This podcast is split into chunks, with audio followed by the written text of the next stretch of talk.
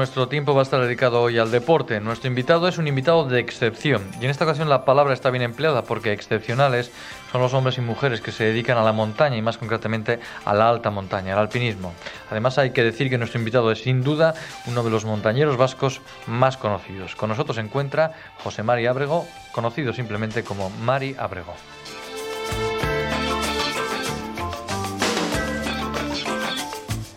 María Prego, bienvenido a nuestro programa. Gracias. Me gustaría en principio que me haría, si puede, si puede ser una definición, el montañerismo eh, o el montañero, por decirlo de alguna manera, ¿es un deportista, un aventurero, las dos cosas o es algo más, como se suele decir habitualmente? Bueno, para mí la, la definición nunca tiene exactitud, pero creo que es un conjunto de, de cosas, entre ellas está la, el deporte, entre ellas está la aventura y la como parte de la aventura la propia exploración de terrenos pues poco conocidos, a veces casi desérticos. No sé si, si, usted se da cuenta, pero sin duda usted y Martín Zabaleta son los montañeros más conocidos de toda Euskal Herria. ¿Eso le dice algo? ¿Le, le llena o...?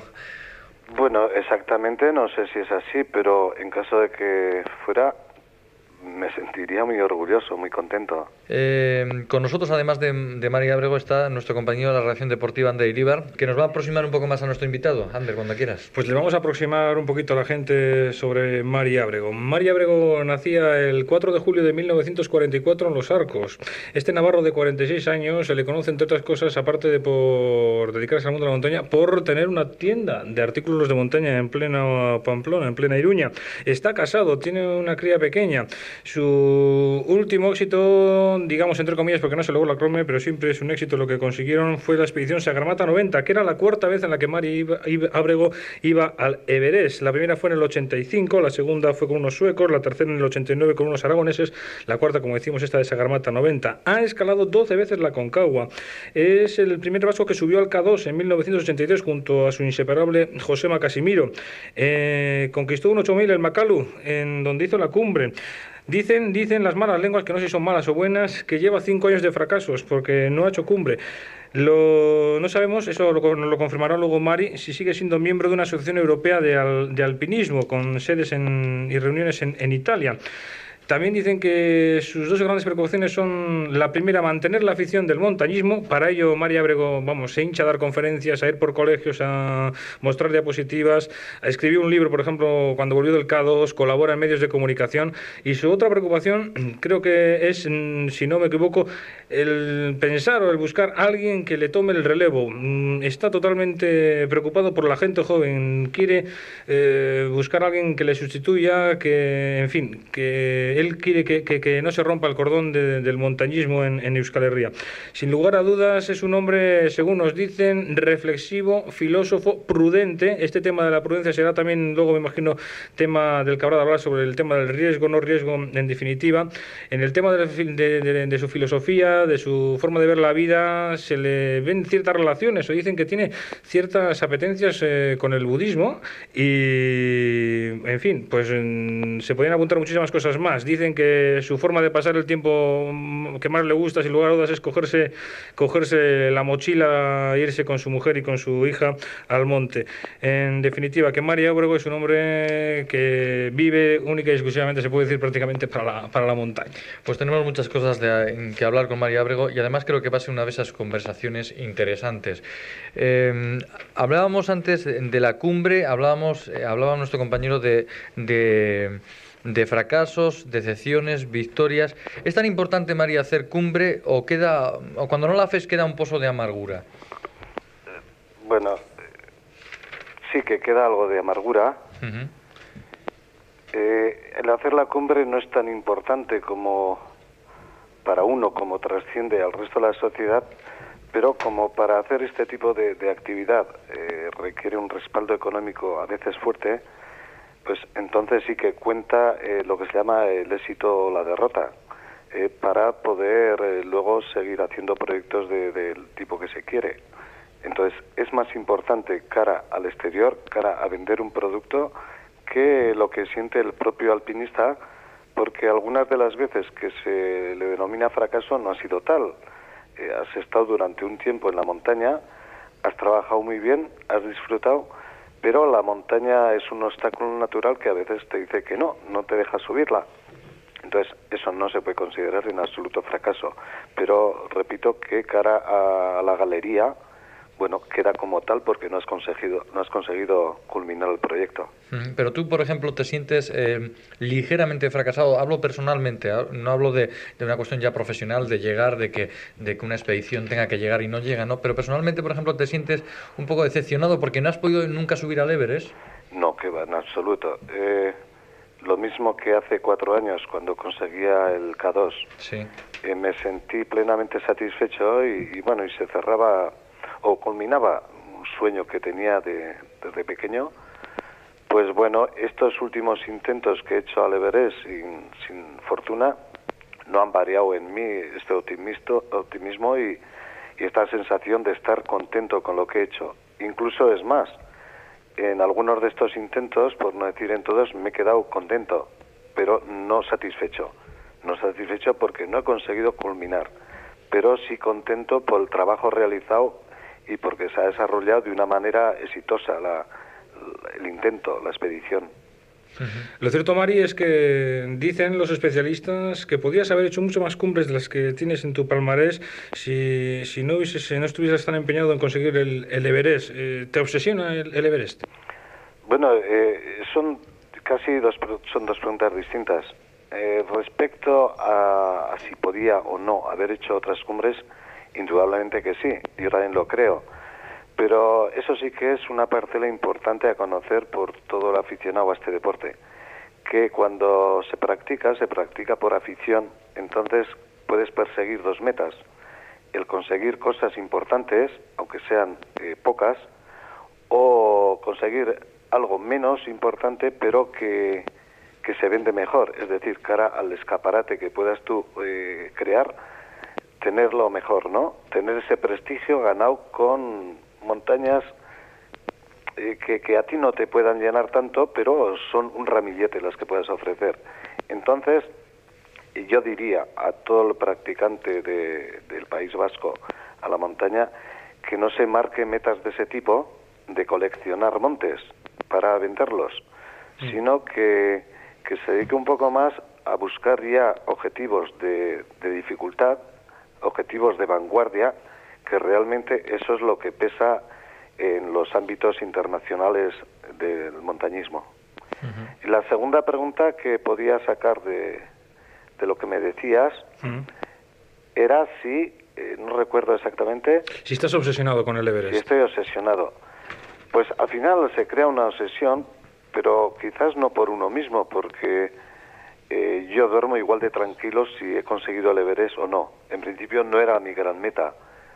Luego ha resultado que he ido muchas veces por diferentes causas. Pero eh, eh, la sociedad que vive alrededor tuya, bueno, desde los medios de comunicación hasta tus amigos, tus familiares, sin duda ninguna es la montaña que más conocen, el Everest, la más importante para ellos y al haber ido cuatro veces eh, se crea una obsesión de preguntas de preguntas dirigidas a ti. Oye, y el Everest, y tú no puedes subir, y, y vas a volver, y no vas a volver. Entonces acaba siendo una obsesión, pero yo diría que es ajena a mí mismo. Mm, una obsesión exterior. Sí, sí. Eh, vamos, si quieres, eh, Mari, porque siempre hacemos en, este espacio de media hora con el que tenemos un invitado, salimos a la calle, preguntamos a la gente y la gente nos da la opinión sobre, sobre nuestro entrevistado. Nuestro compañero Miquel Donafar ha salido hoy a las calles de, a las calles de Iruña y ha preguntado sobre María Abrego y sobre el montañismo vasco y estas son las respuestas. Yo creo que aunque María Abrego no ha sido esta vez, pues habrá otras veces que separándose como es una persona que está muy de lleno metida en el montañismo, pues habrá otras veces que lo intentará y al final conseguirá su meta. Bueno, pues opino que María Brego es uno de los baluartes del montañismo vasco y que a pesar de sus intentonas fallidas a la ascensión del Everest, pues luego ha constituido todo un mito ¿no? dentro del montañismo escalón. Pienso que, bueno que discusten de mala suerte que no haya conseguido la cima y que desde luego a pesar de todo ha tenido el coraje de intentarlo varias veces. Otros se han quedado solamente en la primera. Él imagino que si lo intenta otra vez igual lo consigue algún día. No sé. Yo pienso que lo que tendría que hacer es intentar otra vez y volver a, a intentar conseguir lo que no ha conseguido, ¿no? Yo creo que el montañismo vasco en estos momentos es el, el puntero en, en- en España y casi casi en Europa con- junto con, con el catalán. Y en cuanto a lo del tercer intento, pues este volverá, volverá y al final acabará subiendo, creo yo, vamos. Y yo también opino que el montañismo vasco está a la altura de, de cualquiera en Europa por descontado. En España mucho más que, cualquiera.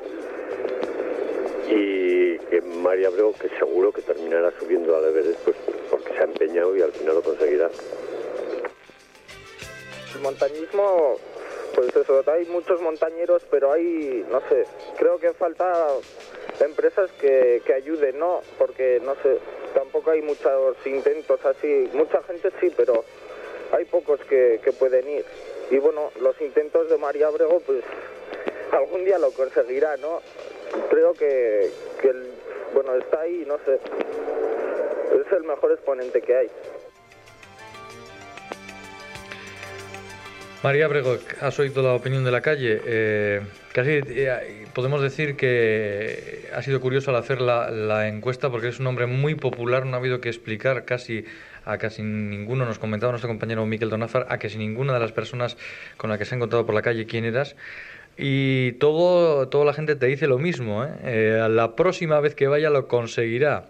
¿Tú crees que lo conseguirás? No sé qué te ha parecido lo que has oído de la gente de la calle. Bueno, sí que he oído y, me emocionaba un poco porque realmente es precisamente esa fuerza que recibo del exterior lo da esta gente, muchas veces gente desconocida. No sé por qué motivo yo me siento muy respaldado de siempre, no solamente en Navarra, también en Guipúzcoa o, o Vizcaya, sobre todo en Guipúzcoa y en Navarra. Y esto pues te hace comprometerte más, que es eh, exactamente lo que decía antes, que, que no es por uno mismo, sino a veces es por lo que te rodea, por lo que representas.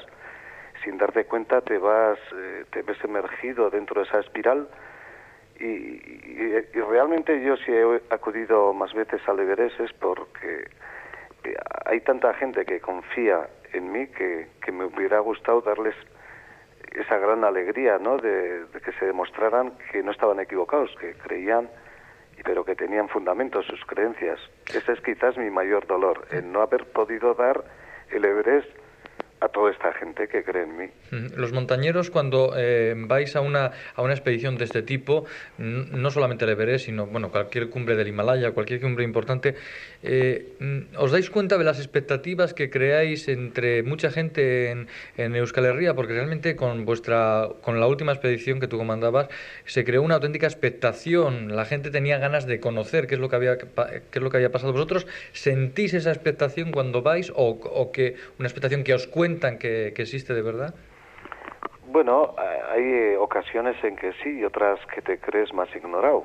Eh, concretamente en esta expedición, eh, a mí me ha, me ha extrañado que hubiera esta expectativa porque cuando fuimos yo entiendo que no la había. Entonces, gracias, en- eh, creo, a alguna labor periodística, eh, se ha dado a conocer y realmente cuando se conoce una aventura así, la gente lo sigue, la gente lo apoya. Y, y- y es una presión, al final acaba siendo una presión, una presión que te obliga a intentarlo con más fuerzas a veces de la que debieras. Bueno, eh, no es el caso que nos lleva, es decir, que hemos sabido medir hasta dónde, hasta dónde nos dejaba llegar la montaña. Pero es muy interesante este apoyo porque allá no se reciben aplausos, no, no hay ovaciones cuando estás en pleno esfuerzo o en pleno riesgo y saber que, que ese aplauso, ese aliento lo tienes a miles de kilómetros, bueno, pues yo creo que es, es muy positivo, es muy positivo y eso te da fuerzas y ganas pues para acometer otras empresas y para crear esa afición que ha de venir detrás nuestra.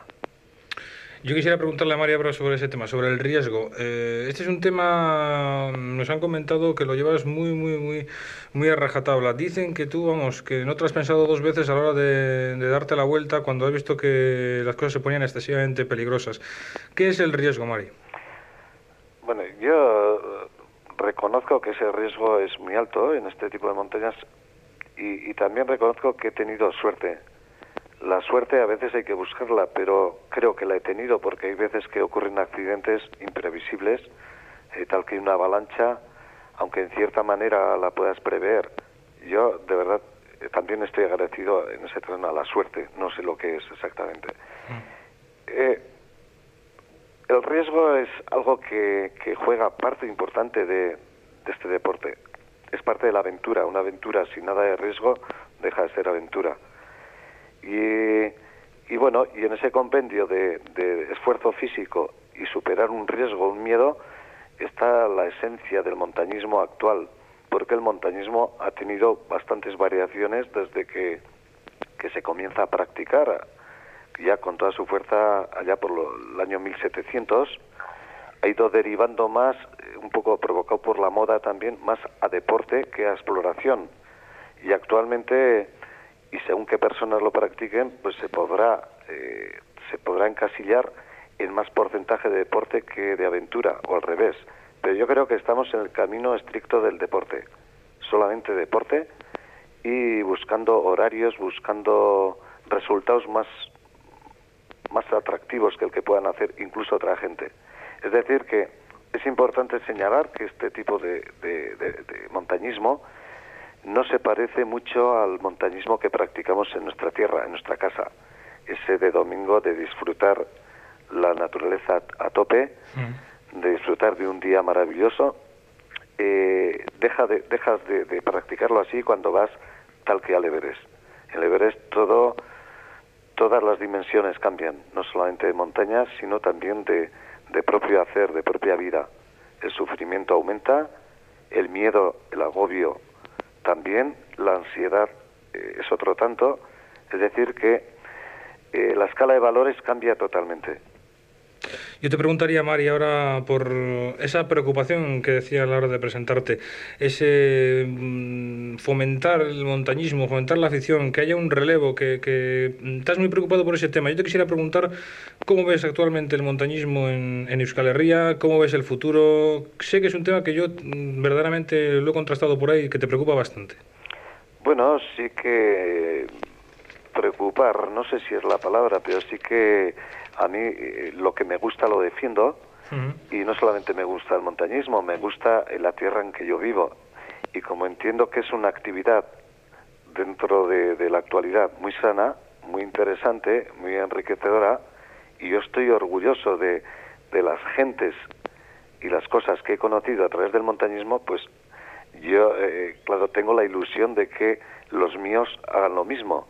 Es una buena actividad, recomendable. Entonces, por eso intento fomentarla, simplemente porque creo que es saludable eh, física y mentalmente. ¿Y cómo lo veo? Bueno, hay altibajos. Eh, creo que es una actividad que debiera de estar más promocionada a nivel, a, nivel administrativo porque eh, genera esa riqueza. Y yo entiendo que ha de tener un aumento de practicantes muy grande, porque en países eh, superdesarrollados, como puede ser Alemania, Inglaterra, eh, así ha sido en los últimos años, ha aumentado la cantidad de personas que practican el montañismo. Entonces yo entiendo que aquí irá en aumento, salvando esos pequeños altibajos que, que puedan producirse por otras modas. Pero esto ya no ha de ser moda solamente, sino eh, entiendo que ha de ser una tradición, porque dentro del País Vasco el montañismo lo considero con una antigüedad ya como para hablar que tiene eh, cierta tradición muy por encima de otros deportes. Eh, relacionado con el, con el montañismo, y ahora que hablas de modas, tú, por ejemplo, eh, ¿crees que deportes como el esquí de fondo, que se practica muy relacionadamente con, el montañismo, o el parapente de montaña y tal, son modas o que se pueden incorporar al paisaje de la montaña de manera habitual? Bueno, se incorporan actualmente al paisaje, a ese paisaje que en principio con total puritanismo lo quieres ver limpio de, de cualquier otra eh, algo artificial de la propia montaña. Yo no soy enemigo en absoluto de las de las nuevas modas que salen paralelas al montañismo. Está la bicicleta de montaña, está Sí, el parapente, el ala delta. Bueno, son aditivos, pero que en absoluto tienen que enturbiar la, la claridad y la pureza que busca el alpinista. Y son adornos muchas veces que se buscan o bien publici- buscando publicidad, sponsor, y otras veces eh, porque se está en unos momentos de búsquedas de sensaciones nuevas, sensaciones fuertes, se dice. Sí. Entonces se habla que la juventud necesita sensaciones fuertes. Bueno, para mí eso no es acertado porque el montañismo eh, tienes, eh, tienes eh, actividades sobradas para buscar sensaciones y bien fuertes. Y después está simplemente la naturaleza, el saborear la naturaleza tal y como es, es suficiente. Entonces son modas, son modas que, bueno, ahora son estas y dentro de 15 años serán otras. Y siempre se ha de estar buscando eh, nuevas actividades dentro de la montaña porque también genera una riqueza comercial al fabricante de dichos aparatos. Y donde eh, actualmente, donde hay dinero, pues se crean cosas. Creo que está bastante clara la postura de María Brago sobre este asunto. Eh, si te parece, Mari, vamos a volver de nuevo a la calle porque esta vez ya no son opiniones, sino la gente de la calle que te hace preguntas. Así que si quieres, escuchamos las preguntas y las respondemos. Preguntaría a María Abrego a ver si no le influye la edad a la hora de, de hacer montañismo, porque aunque supongo que se prepara mucho y de una manera bastante intensa, pues yo creo que la edad también tiene que influirle. ¿Te influye la edad? Sí, bueno, evidentemente que me influye. Yo no soy ningún mortal especial, solo el resto. Soy una persona normal y influye e influye negativamente en el terreno de rendimiento físico. Influye negativamente en el terreno de, de, obligaciones que vas adquiriendo en la vida, incluso a nivel familiar. No te comportas igual cuando tienes 20 años que cuando tienes 40 esas son, eh, bueno, facetas en contra. Eh, a favor, lo único que puede sumar es la experiencia. Entonces, metiendo en una balanza, eh, según para qué tipo de actividad dentro de la montaña, sería, sería más importante lo negativo que lo positivo. Pero en otro terreno puede, puede nivelarse, pero nunca superar. Es decir, que realmente yo, si tuviera 20 años, 20 años menos, con la manera que- y tal como pienso ahora, bueno, para mí, para mí sería, sería más positivo en cuanto a sacar mejor rendimiento, mejores frutos. Vamos con otra pregunta. Bueno, a mí me gustaría saber qué es lo que se siente a tantos metros de altitud. Si es un sentimiento de superioridad, miedo, eh, ganas de volver a bajar enseguida corriendo otra vez para abajo o, o ganas de quedarse ahí arriba tan lejos de todo el ruido. La pregunta está muy clara. Sí.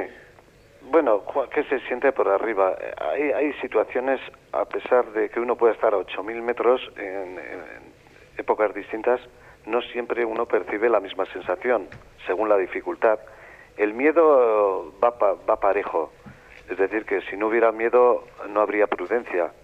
Entonces, eh, poco tiempo podrías estar practicando el alpinismo. En cuanto a la paz que puedas respirar, realmente eh, existe, hay tranquilidad, tranquilidad eh, de que no, no tienes a tu alrededor objetos artificiales que te molesten. Pero está la sensación de incomodidad que lo que aspiras es a bajar inmediatamente y esa misma paz buscarla en lugares donde no te sea agresivo el medio en que te desa- desenvuelves. Vamos con otra pregunta. Yo mm, me gustaría saber qué es lo que hacen en las horas muertas, cuando hay temporal, cuando hay, cuando se pegan dos o tres días seguidos metidos en la tienda, cómo matan el tiempo, a qué se dedican. Es una lucha muy personal ya la que se establece en, el- en la persona, en el montañero, para soportar esa- esas horas de tedio, ¿no? Esas horas de, de pensar y pensar. Porque como decía antes, el medio en que estás no es el tuyo, estás en una, en una altitud, en un área agresiva para ti. Entonces, tienes que superar ese tiempo de espera lo mejor posible porque si no, seguramente que debilita, debilita ese, ese esfuerzo que vas a tener que realizar posterior para conseguir el objetivo. Es decir, en definitiva, que lo único que haces es pensar. Por un lado, el cuerpo físico, lo que, bueno, esto es una teoría mía. El cuerpo físico a mí me pide el volverme a, a la comodidad, a comer sentado, a, a dormir en cama, a beber cuando tienes sed. Eso es lo que me pide el cuerpo. Pero entonces la mente, por eso la hemos, la hemos educado de tal manera que, que me, se establece una lucha y la mente lo que quiere es conseguir ese objetivo porque luego en tu vida normal vas a disfrutar por haberlo conseguido. Entonces, en esa lucha que se establece eh, puede salir ganador cualquiera de las dos partes. Si sale el físico, seguramente que te bajas. Si sale la mente, pues sigues eh, con tu objetivo para adelante.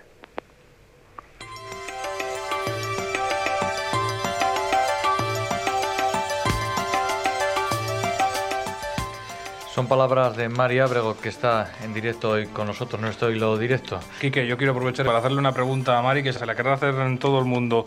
Eh, nos estamos moviendo, Mari, estamos pensando ya en una nueva expedición al Everest. Bueno, yo siempre, siempre estoy pensando, y el día que cambie, bueno, será porque realmente, como le preguntaba a esa, esa mujer, pues no tenga ya facultades para, para cometer empresas importantes, pero actualmente sí que estoy pensando en otro objetivo. Que lo veamos pronto. María Abrego, gracias por estar con nosotros. Ha sido realmente un halago poder contar con su presencia. Buenas tardes. Buenas tardes.